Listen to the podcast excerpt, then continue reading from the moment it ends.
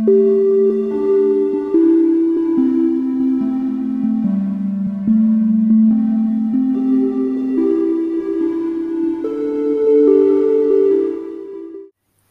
els déus del panteó nòrdic, Odin és probablement un dels déus més importants i coneguts avui dia. Famós per ser pare del déu Thor, aquest déu sobirà atresora en si mateix grans històries i peripècies. Odin és el seu nom més conegut, tot i que n'hi ha uns 170 noms per referir-se a ell, com ara el Father, pare de tots, el Borni, el mag, el qui diu la veritat. És el déu de la saviesa i la guerra, però també de la poesia, el Seider i dels viatgers, tot i que sovint també se'l relaciona amb la creació de les runes o els bojos i desemparats. En l'imaginari nòrdic se'l representava com a un home gran o de mitjana edat, amb cabells platejats rinxolats i una gran barba llarga. Gairebé sempre vestit de blau fosc, amb un abric i un barret d'ala ample, picut. Aquesta aparença que recorda inevitablement a la d'un mag, afegit a les seves qualitats, Odin podria haver estat la inspiració de Tolkien a l'hora de crear el personatge del mag Gandalf en les seves sagues. Són també recurrents com a acompanyaments un bàcul i els seus dos corps, Hugin i Munin, dels que parlarem més endavant en aquest episodi. Les antigues escriptures nòrdiques també recullen que quan es devé a una batalla, Odin duia una preciosa armadura brillant com el sol i un casc fet completament d'or. Tot i ser un déu relacionat directament amb la guerra, les qualitats per les que destacava Odin era per la seva saviesa i desig de coneixement sense límits. Es narren les sedes que tenia coneixement del passat, present i futur, un coneixement amb el que no va néixer. Al passat, se'l va ser revelat quan, desitjós de saviesa, va trobar els arrels de l'Yggdrasil, al Jotunheim, llar dels gegants, al pou de Mimir, un gegant que custodiava l'aigua que donava aquest brutal coneixement. Odin es va presentar sota l'aparença d'un caminant, anomenant Vectamer, ja que Odin també tenia el do de la transfiguració, en tot allò que volgués. Mimir, però, va posar una condició a Odin per deixar-li veure del pou. Havia d'oferir un gran sacrifici com a preu a pagar. Odin, que desitjava més que res la saviesa absoluta, va oferir a Mimir el seu ull esquerre. Davant d'aquest gran sacrifici, Mimir el va deixar veure i aconseguir tot allò que volia. Des de llavors, tots dos van establir una forta amistat. Al poema Barnal, en l'Eda Major, es narra que Odin aprèn nou cançons del germà anònim de la seva mare Vesla, per la qual cosa es creu que Mimir podria haver sigut el seu tiet. Pel que fa al present, el controla gràcies als seus dos corps, Hugin i Munin, però també al seu tron Hillscalf, des del qual podia veure els nou mons alhora. El futur, però, li va ser ensenyar per la deusa Freya. La poesia era altre dels seus atributs. Com ja hem narrat en un altre episodi, Odin va aconseguir enamorar a la geganta Gunloth per poder veure l'hidromel que ho atesorava tornant-se la major inspiració dels poetes. Tant gaudiu Odin de la poesia que es deia que només parlava en vers. També Odin era patró dels guerrers més salvatges, els Berserker, aquells que lluitaven despullats, amb una fieresa i unes ànsies terribles. També comptava l'ajuda de les deesses menors dirigides per Freya, les anomenades Valquíries que li triaven els millors soldats entre els caguts en batalla. Els escollits eren triats per Odin i Freya, segons els convigués a cadascú. Tot i que les valquíries estaven dirigides per la deessa Freya, en cas d'algun inconvenient, sempre havien de respondre davant d'Udin, ja que després i tot era la màxima autoritat. Aquells soldats, triats per Odin, eren els anomenats Enherjer. Participaven en la cacera salvatge d'Odin i en el Ragnarok, i eren la guàrdia personal del déu.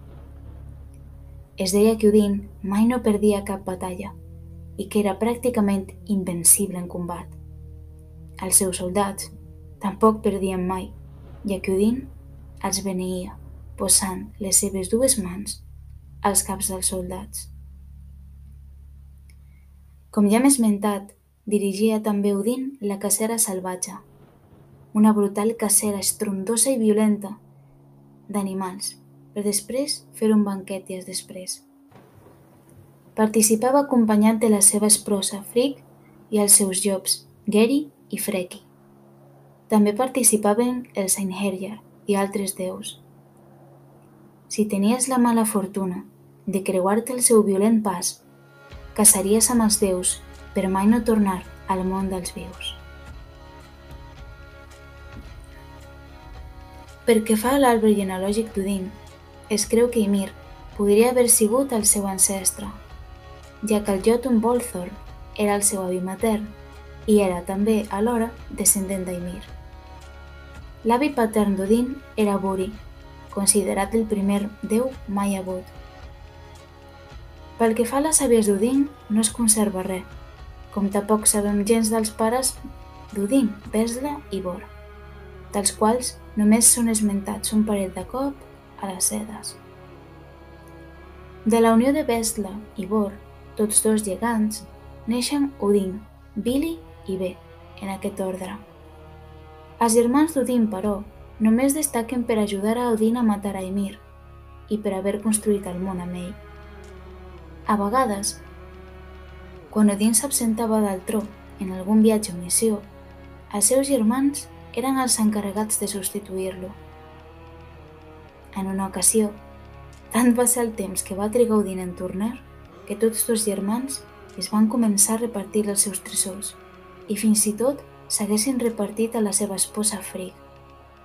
Malgrat això, Odin torna i recupera totes les seves possessions i a la seva dona. Pel que fa a la seva descendència, els únics personatges que apareixen en totes les sagues són els déus Thor, Baldur i Balin. No s'han trobat moltes coincidències en l'existència d'altres fills com Oder, que seria un germà de Baldur, i d'altres fills, com Vidar el silenciós, Hermuth, germà de Baldur i Oder, que podria ser també un fidel servent, i Meili, que seria un germà de Thor. Cal afegir que, malgrat que la factoria Marvel ens hagi volgut vendre a Loki com un fill adoptiu d'Odin o una mena de sort de germà de Thor, és totalment fals, ja que cap font històrica recull cap tipus d'informació que confirmi aquesta teoria. De fet, ni tan sols és un fill adoptiu d'Odin, sinó que és un gegant que fa i desfà al seu entorn. Pel que fa a les seves esposes, Odin en va tenir tres, cadascuna símbol de cada part de la terra. La seva primera esposa va ser la geganta Jord, símbol de la terra deshabitada, amb la que Odin va engendrar els déus Thor i Meili. La també Jotunrind seria la seva segona esposa, personificació de la terra hivernal i gelada, amb la que va tenir el seu fill Vali. Finalment, la seva tercera i darrera esposa era la deessa Frigg, alegoria de la terra collitada i florida. Amb ella tindria els seus fills Baldur, Hermoth i Odor. A banda de les seves tres esposes, i com també és habitual en altres mitologies com la grega, Odin va tenir relacions extramatrimonials amb altres dones, però només amb les Jotunar, Gunlod i Gridr va tenir fills, Abragi i Vidar, respectivament. Com ja hem parlat, Odin hi va sempre acompanyat de dos corps. Aquests són Hugin i Munin, pensament i memòria, respectivament. Gràcies a ells, Odin és capaç de controlar el present, ja que en quan surt el sol, cada un dels corps va a un dels extrems del món i al vespre tornen als espatges d'Odin i li revelen tot allò que han vist. A diferència d'altres animals d'Odin, Ugin i Munin, tot i haver nascut corps totalment normals, tenien ment humana i el do de la parla, donades per Odin.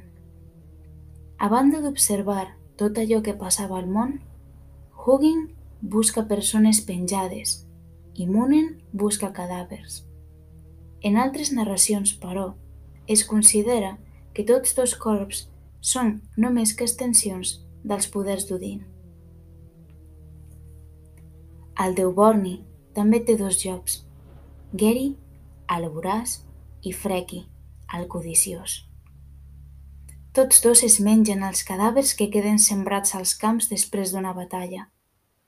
Odin se'ls estimava molt, tant que el menjar que era servit a Odin als banquets era gaudit única i exclusivament pels llops, ja que ell sobrevivia només a base de vi i hidromel. Altre dels animals que acompanyaven a Odin era Sleipnir, el gran cavall gris de vuit potes, fill de Loki. Sembla estrany, però ja parlarem de com neix aquest cavall.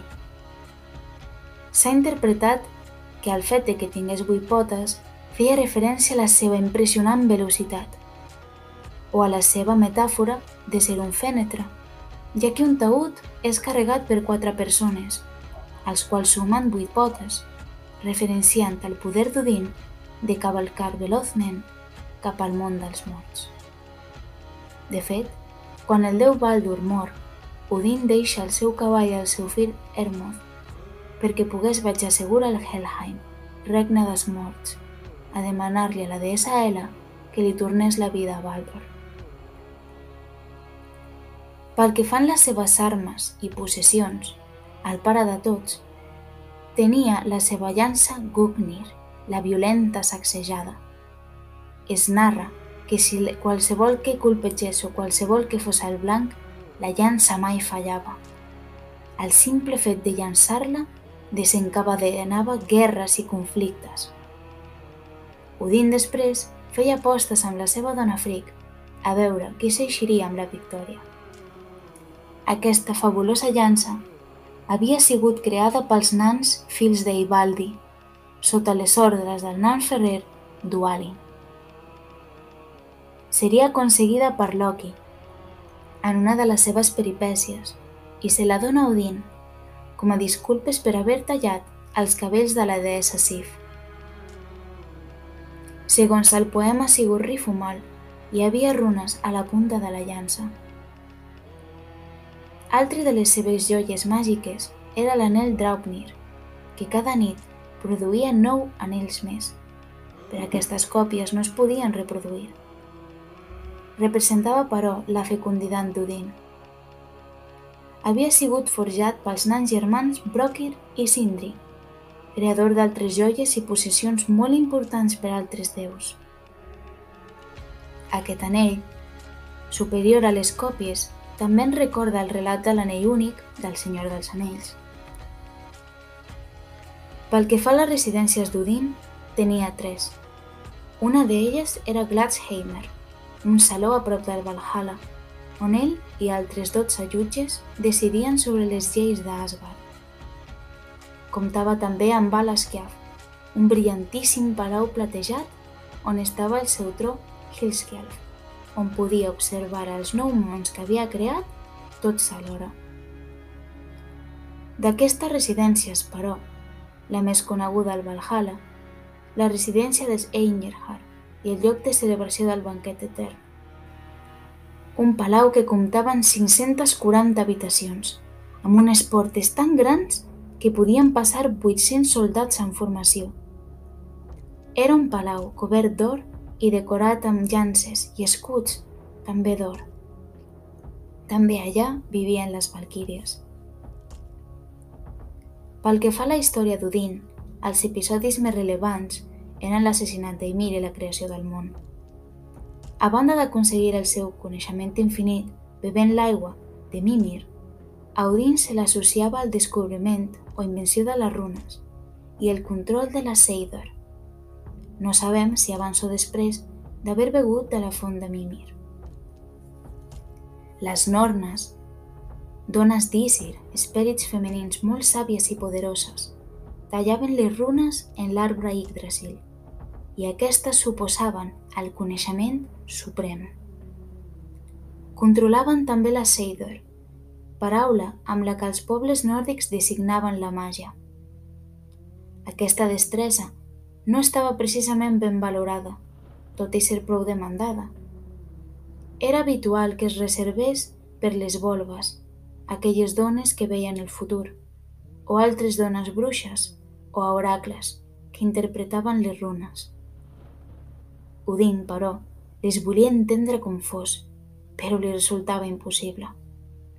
Aquestes només apareixien davant de grans demostracions de valor, però res del que feia Odin era suficient. Finalment, Odin decideix penjar-se de l'Yggdrasil i atravessar-se amb una llança. Va morir durant nou nits, una història que narra el propi Odin en el poema nòrdic Abamal.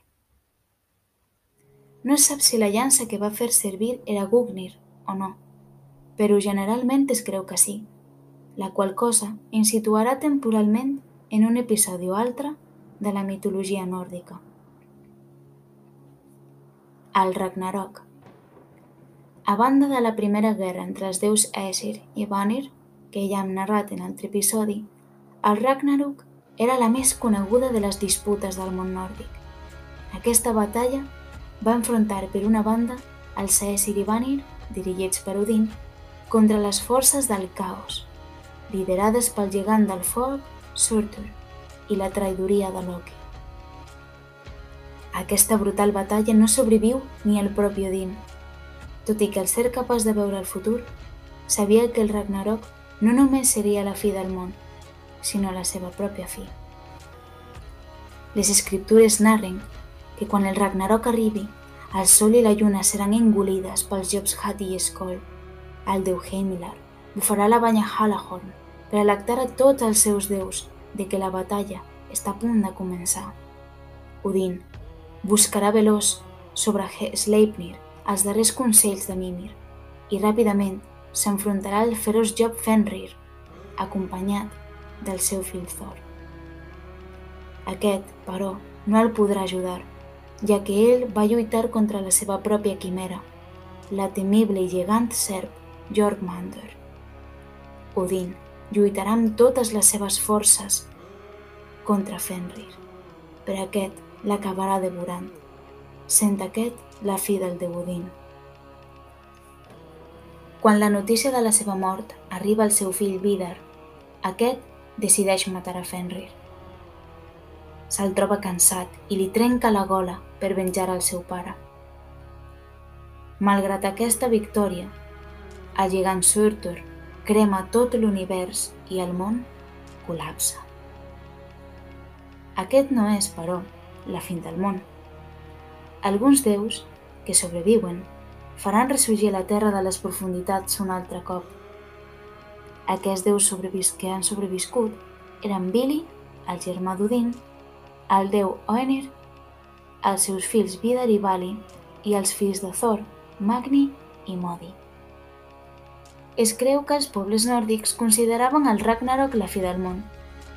Altres relats de narratives més orientades a la religió cristiana, sobretot en època medieval, defineixen el Ragnarok com un episodi ja passat, un esdeveniment on els déus pagans s'autodestrueixen per deixar pas al cristianisme imperant.